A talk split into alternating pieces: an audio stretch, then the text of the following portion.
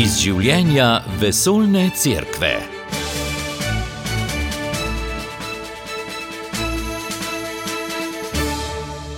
Svetovni dan varovanja stvarstva, ekologija individualizma ali osebnega spreobrnjenja. Sprava med cerkvijo in staroseljci v Kanadi po papeževem obisku. Kakšen pomen bi imelo srečanje med papežem Frančiškom in ruskim patriarhom Kirilom? Dobr dan, z vami sem Marijana Debevec.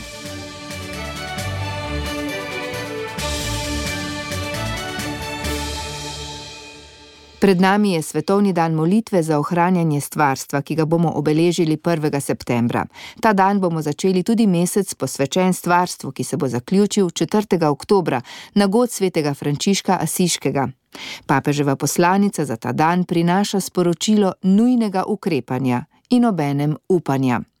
O tem, kako sveti oče vidi izzive ohranjanja okolja in človeka in kaj je resnična celostna ekologija, se je v julijski oddaji spoznanje več predsodek manj s patrom Brankom Cestnikom pogovarjala Tanja Dominko. Ekologija v slovenski cerkvi še zelo počasi napreduje ta zavest, da gre za tudi en duhovni izziv, verski izziv, ne, da to ni zgolj neka politična nuja ali pa zgolj neki odziv na dogajanje v naravi, neka, ampak gre za nekaj več. Moramo vedeti, da je ekološko katastrofo že napovedal Pavel VI, je že opozarjal, da lahko svet zdrvi v ekološko katastrofo, mislim, da je bilo leta 69-70. Moramo vedeti, da je Janez Pavel II že drugo ali tretje leto, se pravi 79. leta, mislim, da razglasil Frančiška za patrona ekologije. Ne? Potem pa Benedikt XVI, ki je veliko katehes posvetil varovanju stvarstva, Frančišek je napisal prvo okrožnico o tem, torej Laudato Si, hvaljen moj gospod, ki je izjemna, izjemna, mi še nismo predelali, ne? zlasti slovenski crkvi še nismo predelali. Torej, crkva se je hitro odzvala, hitro je videla, da je potrebno nekaj storiti in da ona sama v evangeliju, v svetem pismu, v svoji duhovni zgodovini, sveti Frančišek, naprimer, ne, ima odgovore, lahko ponudi svetu odgovore za to krizo, ki se je takrat obetala, zdaj pa jo že imamo, to ekološko krizo. Pravim pa, da je to nekako precej počasi. Če povem eno anegdoto, par let nazaj me ena skupina redovnic povabila na eno izobraževanje. Ne? In so mi rekli, kakšno temo predlagam. Sem rekel, da to si, okrožnico, gremo skozi, pa se malo pogovorimo. Ja, pa to mogoče ne bi bilo, bo, bo vse, to je papežev nauk, ne to bo. Dobro, smo se dogovorili, ampak 14 dni pred, eh, pred srečanjem sem dobil spet klic. Pa me ne bi to, ker to, to, je, to je ekologija, se, to ni za nas, samo stano, ženske. Ne. Sem rekel, bomo to imeli, boste videli, da je to za vas. Jaz pa potem dejansko imeli ne, in si videl, kako recimo en ženski samostan že itak po svoji duhovni zrelosti, ne, po svoji disciplini, tudi ne, ne, tej, tej evangeljski disciplini, človeški disciplini, po občutku za okolico, že itak deluje zelo ekološko in deluje znotraj svojega duhovnega srca, to ni privesek. Ne, lepi park, recimo okrog samostana, da se ne potroši voda, da se hrana ne meče. Recimo pri sestrah, toliko bolj, da ne mečejo stran oblačil, one imajo te redovniške habite oziroma oblačila. Ne? To ni potrošniški material za parkratno uporabo, pa vrže stran, že to. Recimo. In smo videli, da en ženski samostan, še preden smo mi začeli o ekologiji razmišljati, je že tam bil ima vse te prvine. Torej, ekologija ni takšen tujek v krščanski duhovnosti.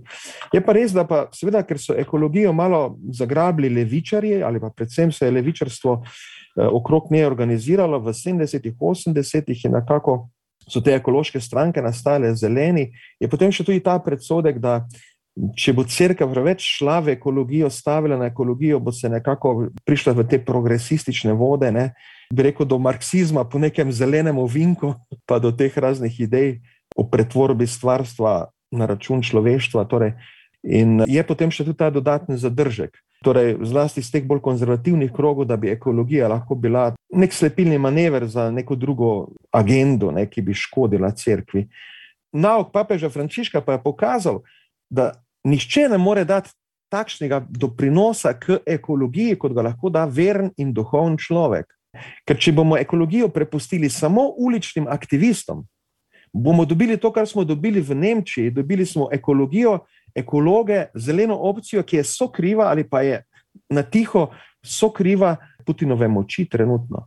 Ekologija ni samo politika, mora imeti ta, kot pravi papež Frančišek, mora biti integralna in mora vključevati duhovno spremembo v človeku, ne zgolj kalkuliranje in ulične pritiske in aktivizem. Ne. In ta duhovna pot, to da, to da veren človek, to da prvi veren človek. In vse velike religije imajo spoštovanje narave v svojem kodeksu. Letošnja konferenca Združenih narodov o podnebnih spremembah, ki bo novembra potekala v Šaramu Šejku v Egiptu.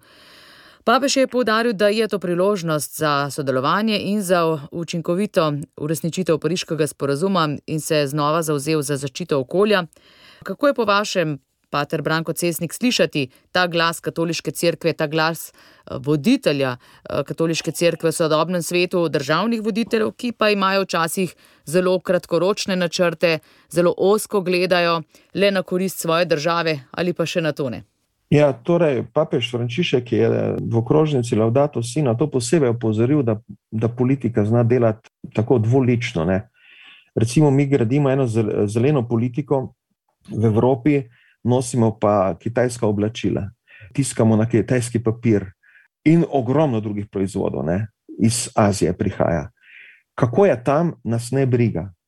Imam eno oblačilo, narejeno nekje v Aziji, Kitajska, Vietnam, kdo ve, kje. Videli smo celo tovarne, kjer dejansko na pol sužensko delo poteka ne, za te stvari, da je čim bolj poceni.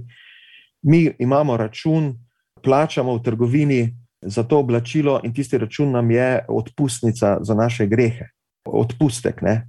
Ampak to oblačilo je bilo morda ne samo ekološko sporno, ampak tudi socialno sporno. In običajno je ekološko in socialno sporno, pravi Papež Frančišek, skupaj ne, revščina in izkoriščanje delavca in slabi ekološki pogoji uničevanja stvarstva, dosti krat gre sta skupaj. In nas tu v Evropi to ne briga. Ne, in ta dvoličnost, ta dvoličnost je papež še posebej si vzel tako kot sovražnico ekologije, ne, da tudi vrhovna politika torej igra po eni strani eh, lepo retoriko, pa takšna olepševalna ekološka uspeh se šteje, da več nimamo plastičnih slamic, ko, ko pijemo CD-vito. Potem pa so, da, so opazili, da pa plastične slamice pridajo, ne plastične slamice pridajo eh, pakirane v plastiki, ne? potem pa smo spet na istem in take, takšne zadeve, ali pa da recimo zbudimo nekega mesija, tako kot je Greta Thunberg, ne, mali prerok mesija, se jo vsi spoštujemo in je bila pomembna v tistem trenutku, da je malo nas stresla, ne, ampak seveda potem mi njej začnemo v parlamentu ploskati in se tega preroka podredimo. Eh, ga nekako naredimo v medijsko zvezdo, v malo hollywoodsko zvezdico, ne, potem jo tudi politično zmanipuliramo, zlasti, ker so jo potem manipulirali tudi proti Trumpu in tako. In smo naredili svojo ekološko stvar. Ampak papež Frančišek eh, govori za dobro ekologijo. Mi danes potrebujemo spreobrnenje. Ne? Spreobrnenje. In to delo ni preprosto. Spreobrnenje od življenjskega sloga, od uporabniškega življenjskega sloga, kot papež Frančišek reče, spreobrnenje od kulture odmetavanja. Ne? Recimo, vi imate to slovensko mladino, ki je šla v razne te, je že naj bi bila ekološko osveščena, itd., ampak greste na en koncert, to je potem naslano od smeti, en koncert na prostem. Ne? Ne, lampiončki v Mariboru je takšen primer. Recimo. In potem imaš občutek, da se čisto nič ne, ni naredilo z, z kulturo. Ne, ni, ni prišlo v glavi do spremembe, da je ta nekako še vedno ta človek človek, ki je rastel v blagostanju, razume, da so smeti njegova pravica in da on lahko odmetava v naravo, zato ker je on odrastel v blagostanju, ker on nima dožnosti, on je potem še bil skozi, šel skozi permisivni vzgojni sistem, ki je itak naperjen proti dožnostim. Ne, In on to lahko. No, in tu so velike spremembe v glavah in v srcu. In do teh ni tako lahka pot. Lažje se na ulici, na ulici kričati proti politikom, kakšni so, da, da ni več večje ekološke osveščenosti, ampak spremeniti srce je pa druga stvar. In to Frančišek opozarja.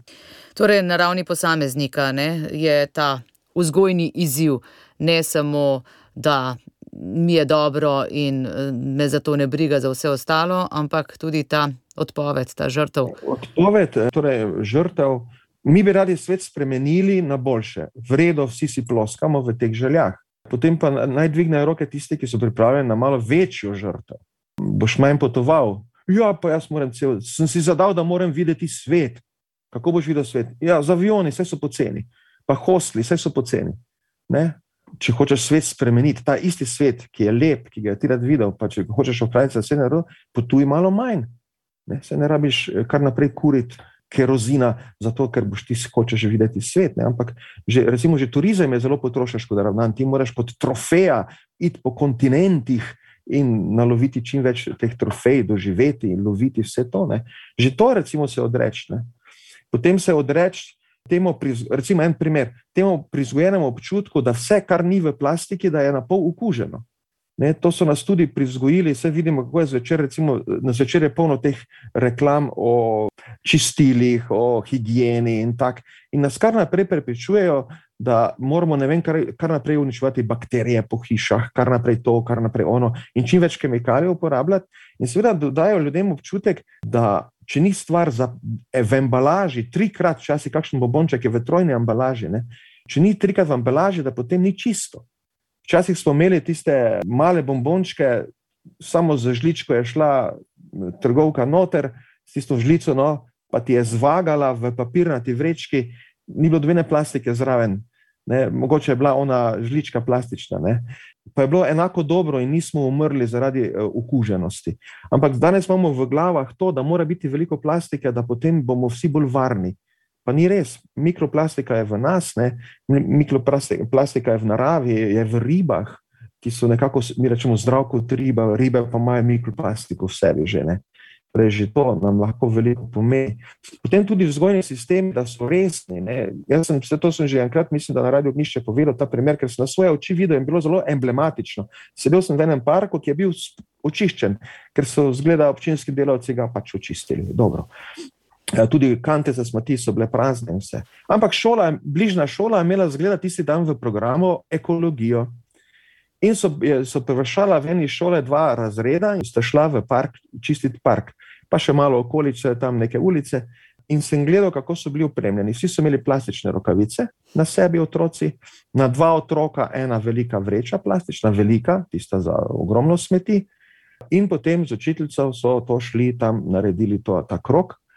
Nabrali so smeti za par pesti, mogoče plastike, pa vrgli v naravo nenormalno veliko, zato da so naredili eno ekološko akcijo. To je bila laž, ne? to je bil formalizem.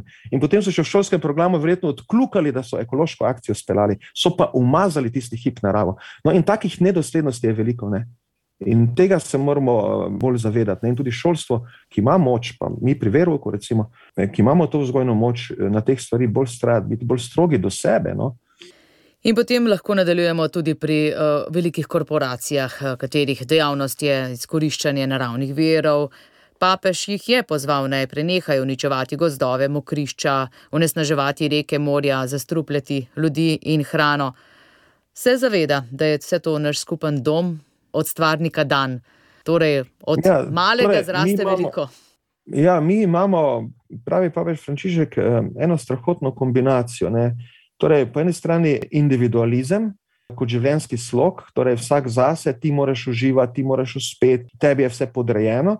Po drugi strani pa v visokem kapitalizmu neoliberalizem, ne, se pravi ta brezmejno svobodo kapitala, da lahko ustvarja dobiček, oziroma da ustvarja čim več produktov in kar naprej produkte, in tudi potrebe po teh produktih. Ne. In zdaj imamo tudi, recimo, te nasprotnike tega vzorca, neoliberalnega, ki so običajno na, levi, na levi strani, ne, levičari, ki pa so obenem zagovorniki individualističnih življenjskih slogov. In zato so to brezobi tiger. Ne. Mislim, meni je smešno, ko recimo tudi v slovenskem prostoru vidiš levičarje, kako se točajo po neoliberalizem, pa rečejo, človek je prvi, ne kapital, ne, tako se lepo čuje to. Ampak obenem pa vidiš, da v svojih tvitih in tako naprej v bistvu zagovarjajo individualistične življenjske sloge recimo ne že sam abortizem, zagovarjanje splava, to je dogma individualizma. Ne, to je pradogma individualizma na nek način v tej sodobni miselnosti. Ne. In kako boš ti, ki si popolnoma usmerjen v individualizem, rušil kapitalizem ali pa neoliberalni kapitalizem, ki je pa vrh tega individualistične miselnosti, ko si pa ti njen temelj še vedno. Ne.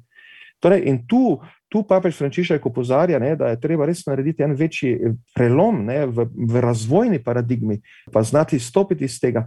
Ampak se vam pravim, ni težko, ker meni, vam, levičarjem, desničarjem, bilo komu, crkvenim ljudem, ne crkvenim, ni težko eh, kritizirati kapitalizma, pa velikih korporacij, težko pa spremeniti svoj življenjski slog in izstopiti iz individualizma. Ne? Misliti na, na naravo, misliti na bližnje, na okolje in misliti na prihodne rodove. Ne? To pa je težko, to pa vsak misli, da samo zdaj živi, enkrat živi in da to je njemu poklonjeno in to more do konca izžet, stisniti, da bo potem njegovo življenje imelo smisel. Ne, ne zna se omejevati človek. No. Ko ste že ravno omenili abortizem, tudi še en pojav se dogaja pod pretvezo varovanja okolja, češ ne smemo imeti preveč otrok, kajti ti onesnažujejo, obremenjujejo ta svet. Mi imamo že zdaj tudi ekološki fanatizem, to moramo vedeti. Ne? In ekološki fanatizem prepoznaš potem, da gre proti človeku, da dejansko zagovarja neko nehumanistično držo, neki posthumanizem, nek planet brez ljudi, praktično. Ne? Tako da smo mi zajedavci na planetu. Mi nismo zajedavci na planetu, mi smo del planeta, mi smo del eh, življenjske verige na planetu in mi smo varohi planeta. Ne? človeška dejavnost ni samo izkoriščanje planeta, je tudi negovanje, predvsem negovanje planeta. Ne? In ta negovalec mora biti vzgojen. Pri teh skrajnih ekoloških gibanjih imamo v ozadju nihilizem, imamo ta protihumanistično držo in tega se moramo varovati. Ne? Ekologija mora imeti človeški smisel. Če nima človeškega smisla, če je usmerjena samo v golo varovanje rastlin in zraka, na račun človeka, ki pa potem ga kauda skoraj ne sme več biti, ne, je seveda je nesmiselna, je nevarna. To je, to je lahko neke vrste fanatično sektaštvo se pojavi pri teh ljudeh, ki ga tudi že opazimo, tudi v slovenskem prostoru, ki je ne. In to je en tip ekologije ali pa tega, ko moramo tudi mi znati eh, odskočiti od tega, oziroma se distancirati, da ne nasedemo tem, tem pojavom.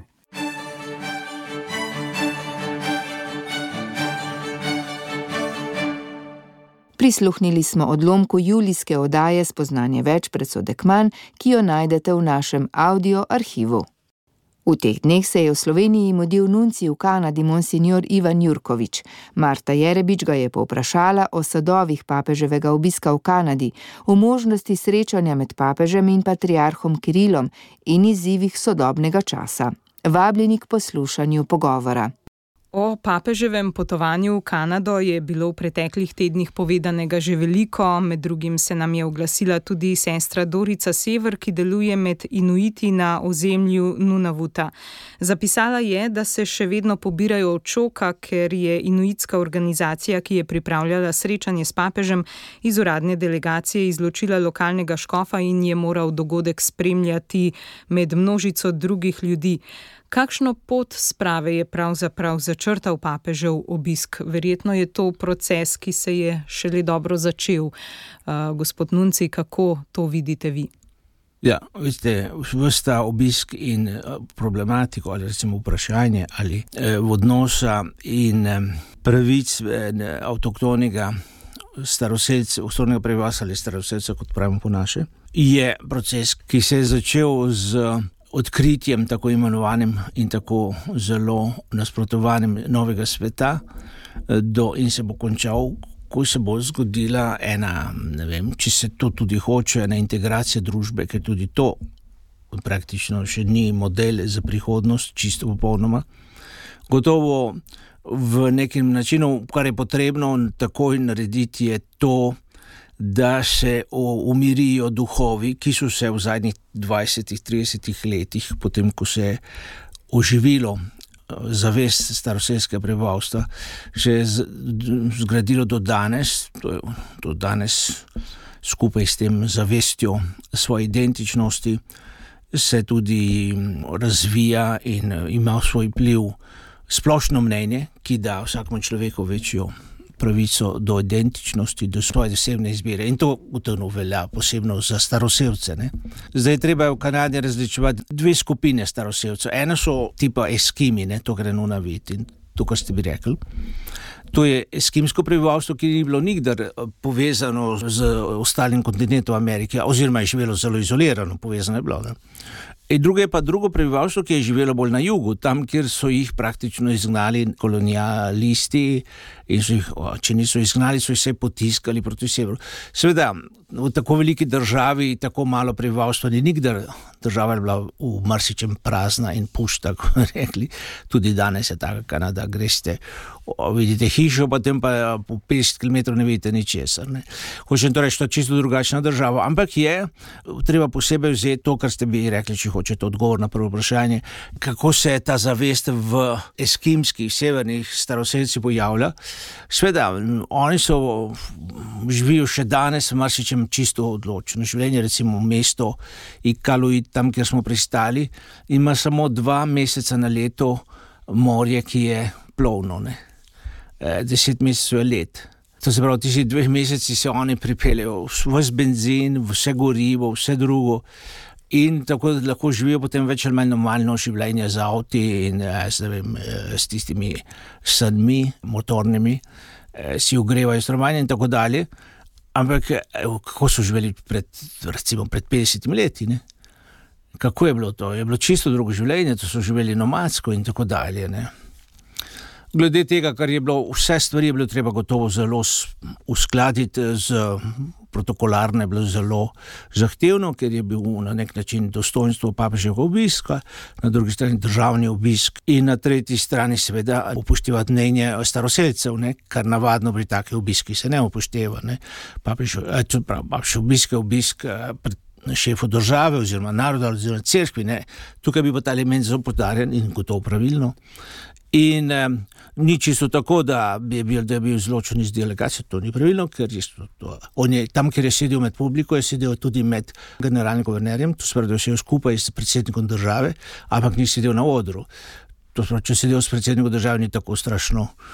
O, in tretja stvar, kar bi treba reči, je, da je na zadnje, ko se je bila oficialna poslovitev, je bil on v vrsti skupaj z drugimi v delegaciji. Pa vseeno, kako uh, vi vidite papežev obisk v Kanadi? Ta proces sprave se je šele začel. Ali je bil to ključni dogodek, kako vi vidite? Ja, poglejte, veste, to je tako grozen, neskončno velik problem, da se ne morete niti misliti. Ne? Novi svet smo tako imenovali, odkrili kdo? Evropejci. Ne? Kaj to pomeni? Če bi danes nekdo Evropo odkril, pa nas zasedel, bi rekli, da so nas odkrili. Ne? On pravi, kaj to pomeni odkritev. Ne? Jaz sem prvi star, ki sem vprašal tam, ko sem bil tam na severu. Frobijo, mislim, da nekaj takega, Frobenijo, zvem. En zaliv, kaj to je. Ja, prav, to so pa tako imenovani imena od tistih, ki so nas odkrili. Ne?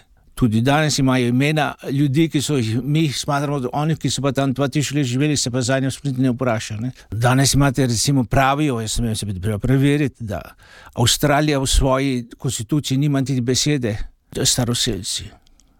Mi smo vsi na začetku. Ne?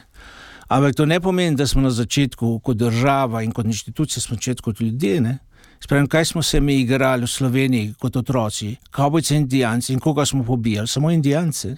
To je to katastrofalna, popačena miselnost vsega tega, kar se je zgodilo v zgodovini, koncepta.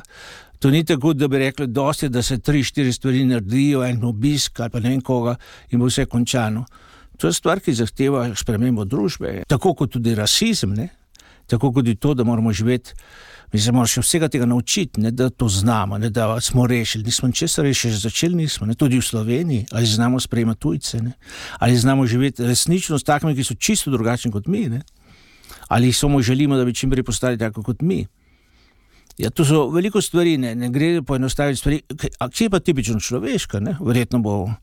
Verjetno tudi v preteklosti je bilo tako, čeprav bi rekel, preteklost zgodovina nas je nekako tudi zaradi tega koncepta ene nacionalne ali pa etnične eh, identičnosti. Nas je zmeraj vodila k temu, da smo gradili eno veliko veličino česa, na veličino imperijev, veličino velikih držav, velikih narodov. Ne? Ampak danes bomo morali živeti v eni novi v eni novi družbi, kot se že živimo. In bi bilo lepo, če bi se takoj učili in takoj eh, pripravljeni na to življenje v, novi, v novem okolju. Gospod Načkov Ivan Jurkovič, leta 2016 ste bili kot nunci v Rusiji med pripravljalci srečanja med papežem in ruskim pravoslavnim patriarhom Kirilom na Kubi. Zdaj se govori o morebitnem srečanju v Kazahstanu. Verjetno so morali biti za Kubo izpolnjeni določeni pogoji, da je sploh prišlo do srečanja. Pod kakšnimi pogoji bi bilo smiselno novo srečanje v Kazahstanu? Verjetno vsaj kakšna skupna jasna izjava po srečanju ali so razlike z Moskvo za kaj takega prevelike? Poglejte, papežev obisk nima nikdar čisto lastnosti, rekel, dvostranskega dogovora. Ne? Če papež, če bi se srečal z, z recimo, če se bo srečal z patriarhom, se ne bo srečal zaradi odnosov med katoliško crkvo in pravoslavne crkve. Vsi vemo, da, da se danes dogaja nekaj, nekaj čisto drugega. Ali tukaj sploh kako papež naredili, ne, težko reči. Je pa po drugi strani ravno to, da ima papež nekatere svoje. Kako bi rekel, oporne točke papeštva so take, da so lahko v korist vsemu svetu. Ne? Gotovo danes se nišče ne prestrašen za to, kako se bodo razvijali katoliško-pravoslavni odnosi.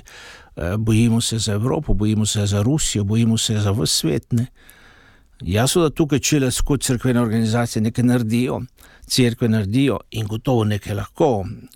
Pravi, da ima pape še eno posebej, mogoče tako posebno, posebno potencial, kako bi rekli, svojo sposobnost.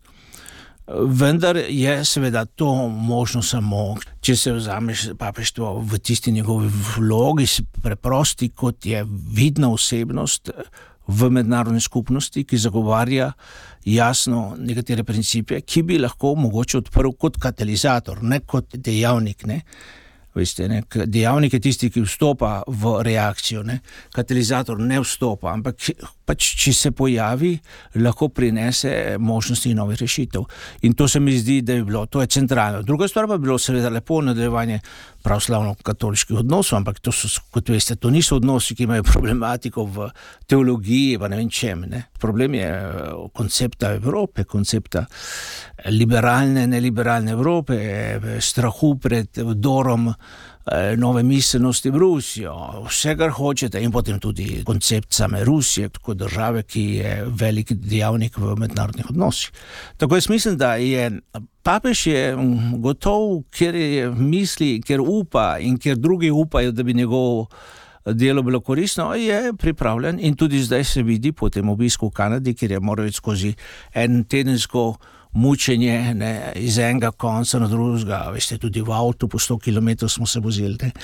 Je to nekaj posebnega. In to se pomeni, da je zopet eh, papeštvo, kot eh, papeže Frančiška, je na nek način aktivno eh, prisotno in tudi drugi obiski, ki jih pripravljajo, kažejo na to njegovo vizijo sveta, odprto, novo.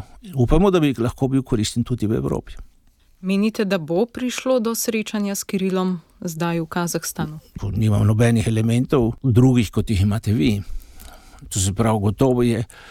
Ta želja je vedno prisotna in papež to vedno rekel. Je celo rekel, karkoli, kadarkoli, kakorkoli. Ne. Po drugi strani so pa govorili prav v bližnji prihodnosti, možno ali ne možno. To bi odgovorili, če bi večkrat rekli ne možno, v kupi je bilo pa kar naenkrat možno. Vidite? In tako je to. Ob papeževem obisku v Kanadi smo lahko brali, da francosko govoreče prebivalstvo v Quebecu ne samo, da se ne zmeni za crkv, ampak jo dobesedno zavrača, celo sovražno. Ocenjujete, da smo tudi v Evropi in Sloveniji že na tej točki ali to šele prihaja k nam?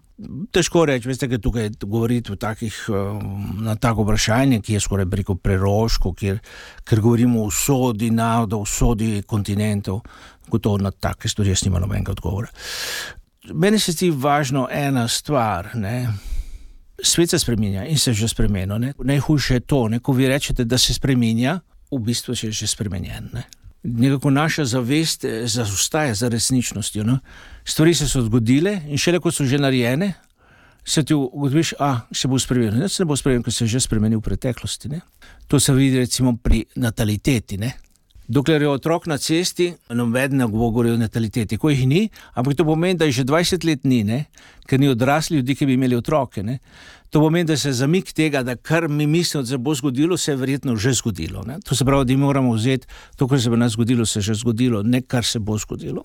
In to, kar se je zgodilo, tudi se treba tega naučiti. Jaz mislim, da kar bi se dalo, ker veste, to je zdaj ena taka, na eni strani so kul, dominantne kulturne tendence, ki so tako močne, ne, kot veste, recimo moda. Ne. Kar naenkrat se spomni en dodatek mode in je tisti, ki morajo vsi imeti. Ne. Ampak to je pač čas na, naše kulture. Kaj bi treba narediti? V tej družbi moramo živeti. Ne. To je naša družba, to, je naš, to so naši ljudje, to, so na, to je naš narod, ne. to smo mi. Ne. Kaj treba? Jaz mislim, da bi treba narediti vse, da bi, veste, kot, kot bi rekel, ta panorama biblijska krščanska panorama ostala še vedno. Ne? Ne, gotovo bi ljudje, ki so odgovorni za vzgojo, morali se zauzeti, da bi bila naša vzgoja vsaj to, toliko povezana z religiozno tradicijo in s tem, kar smo, da bi vsaj imeli eno osnovno biblično znanje. Ne? Da bi imeli mogoče ne vem, kakšne stvari, ker bi to spadalo v našo panoramo. Ne? Mi, če porušimo slovenske crkve, ne vemo, ali smo, kje smo, sploh ne vemo, kje smo. Ne? Jaz sem rekel, če časi, ko sem se bil v Moskvi in smo se o tem pogovarjali, vse te države, ki so bile so. Ko so postavili tisto knjigo, ki imajo na ambasadah in začnejo slišati, so sami turni. Sem rekel, zdaj tisto, vi skušate tam, kjer so turni, malo tisto ven strgajte, boste videli, kaj ostane. Kaj ostane? Ne staro, tri, štiri tovarne, pa nam par konjev, ki se pašajo. Se pravi, naša kultura je povezana s tem, mi moramo tole panoramo, biblijsko, krščansko, ne, ohraniti. Ne. In to se mi zdi, da je bilo še velik na, napredek v družbi, da bi prišli do, manj sektaške drže in tako, to, kar je bilo vedno tako popularno, ne, da eden je dober, drugi je slab in da eden je čizanič, drugi pa čisto dober. Ne. Ampak da smo vsi isti člani istega naroda, da se skrbimo za isto prihodnost. Ko gledamo na razmere v svetu, vojna v Ukrajini, grožnje z jedrskim orožjem, suša, požari, prehranska kriza, energetska draginja, grozi nam recesija. Ko pomislimo na vse to, čutimo, kot da se nekaj velikega zgrinja nad nami in nas bo pogotnilo. Ali bi lahko potegnili kakšno usporednico iz zgodovine in uh, kakšno vlogo je imela takrat vera, crkva, bi jo lahko imela tudi zdaj? Veste, tukaj mi večkrat pride na misel procesija svetega rešnega telesa ne? s štirimi blagoslovi v kateri se je vedno molilo, da bi nas Bog obvaril tega, kar vi govorite. To je bila vsakoletna procesija in vsakoletna prošnja. Tudi danes se verjetno ponavlja. Je vedno bilo tako, ne? to je vedno bilo tako. Čas je bila bolj navarna vojna, bolj navarna bolezen kot vojna. Ne? Danes je bolj navarna vojna kot bolezen. Ne? In tako dalje. Ne? Proces svetega rešnega telesa ne, je eh, molitev ravno zato, kar ste vi rekli danes. Ne. Kuge, lakot in vojske se nam reši nas Gospod. Ne. To je bila molitev skozi tisočletja. Zmeraj je bilo tako, zmeraj so bile nevarnosti. Jaz mislim, da za nas, kot, kot, recimo, kot crkva, ki je tudi v omejenih zmožnostih in tudi v, v tih, teh oblikah in teh, teh možnostih, ki jih ima v današnji družbi, bi moral ohraniti eno, rekel, eno tako, eno, če je mogoče ohraniti vedrino. Ne? Vedrino, to se pravi, ne biti potlačena od teh stvari, ki se jih zavedamo, ker smo za nje vedno molili. Mi se zavedamo tega, da je tako. Mi se zavedamo, da je prihodnost je bolj nevarna, ker izloča iz življenja tisto, kar je vedno prisotno. Ne? V življenju človeka, človeka je prisotno tragičen in dramatičen in eh, rekel, tudi to pasijonski ne, element. Ne? Spoglejte, mi smo bila generacija, ki je imela srečo, da ni imela vojne, ampak kdaj se je to zgodilo prej? Ne? Vsi so skozi preizkušnjo vojne, vse v Evropi, ki je tako strašno. Vojno ljubi konflikte. Ne? V Evropi tako imate konflikte, vse kakršne politične, vse karkoli. E, to je v Evropi bilo pojav vsaka generacija, vse ena ali dve. Ne? Moji stari starši so živeli dve svetovne vojne, prvo svetovno in drugo svetovno v času 20 let. Predstavljate, kaj to pomeni. Mi smo živeli vedno v tem. Zato se mi zdi, ta vedrino se pričakuje v cerkvi in to vedrino mi moramo iskati in graditi pozitivno. Vsemi močmi, ki jih imamo, to smo pod vplivom tega, kar se dogaja, tudi mi. Ne? Ampak se mi zdi, da ta, to vedrino nekako treba zagovarjati in to se Posebej, ko je družina, ko, je, ko so vrednote, župnije in tako dalje, ker se živi eno življenje, se to da doseči. Gospod Načko Ivan Jurkovič, pred dnevi ste tudi med rojaki praznovali svojo 70-letnico. Kako gledate na prehojeno pot? Veliko življenje se mi zdi, da se mi je zgodilo. Ne? Nisi, ni, ničesar nisem načrtoval, ampak karkoli se je zgodilo, se je zgodilo v preprostosti srca, bi rekel. Dalo mi je možnosti, da sem se veliko naučil, da sem spoznal veliko stvari, da sem bil prisoten do veliko dogodkov, da sem opazoval tudi razvoj kulturnega življenja, da sem opazoval tudi to dramatično spremembo splošne dominantne kulture. Druge, kakšne posebne stvari, ne. Nek način vedno sem bil povezan tudi z domom, zaradi tega, ker je danes to mogoče. Z, Sploh danes to ni tako, kot je bilo včasih, ko si odšel in si se potem vrnil in si videl, da so vsi čisto drugačni. Vsakem človeku se lahko vidiš vsak dan in pogovoriš vsak dan. Tako da bi rekel, vse to ne gledam kot nekaj posebnega, kot pač. Sveda presenečate, da se je zgodilo, da je že minilo 70 let, ampak to, tudi drugi so presenečeni na isti način. Že v enem prejšnjih intervjujev ste rekli, da je Kanada vaša zadnja destinacija v vlogi Nuncija. Že imate idejo, kaj potem? Tako bi rekel, če sem to rekel, ne vem, če sem to rekel, ampak če sem tako rekel, potem sem bil zelo nepreviden. Navadno ničesar nočem reči, kar se bo še zgodilo. Kar se bo zgodilo, se bo zgodilo. Ja, navadno to, kar se zgodi, je drugače kot tisto, kar načrtuješ. Da tega reči ne načrtujem, ampak ne da reči načrtujem. Tudi ne živim v nobenem pritiskom, kar se bo pokazalo ne vem. No. Gotovo imam domovino in imam tudi veliko okolje eh, domačih, ki me podpirajo. Pa, če bo pa kaj drugega, pa kaj drugega. Nevarno, zelo nevarno, veste, to so vsi romani, posebno judovski romani. Svete. Vse tiste ideje o narediti kakšno happy end, ki ni nikdar happy end, ne, ker je zmeraj povezan s smrtjo. Ne. Vsak dober roman, vsaka dobra knjiga se konča s presenečenjem, da tisto, kar se bi moralo zgoditi, se nikdar ni zgodilo. In tako mislim, da tudi to opuščam, karkoli se bo zgodilo, karkoli bo, bom sprejel s veseljem. Ne vem, kaj drugega ne rečem. Gospod Načkov, Ivan Jurkovič, hvala za pogovor in obisk v našem studiu. Hvala za povabilo, hvala za pogovor. S tem zaključujemo današnjo oddajo, ki sem jo uredila Marjana Debevec. Pogovora sta pripravili Tanja Dominko in Marta Jerebič. Želim vam blagoslovljeno nedeljo. Poslušali ste oddajo iz življenja vesoljne cerkve.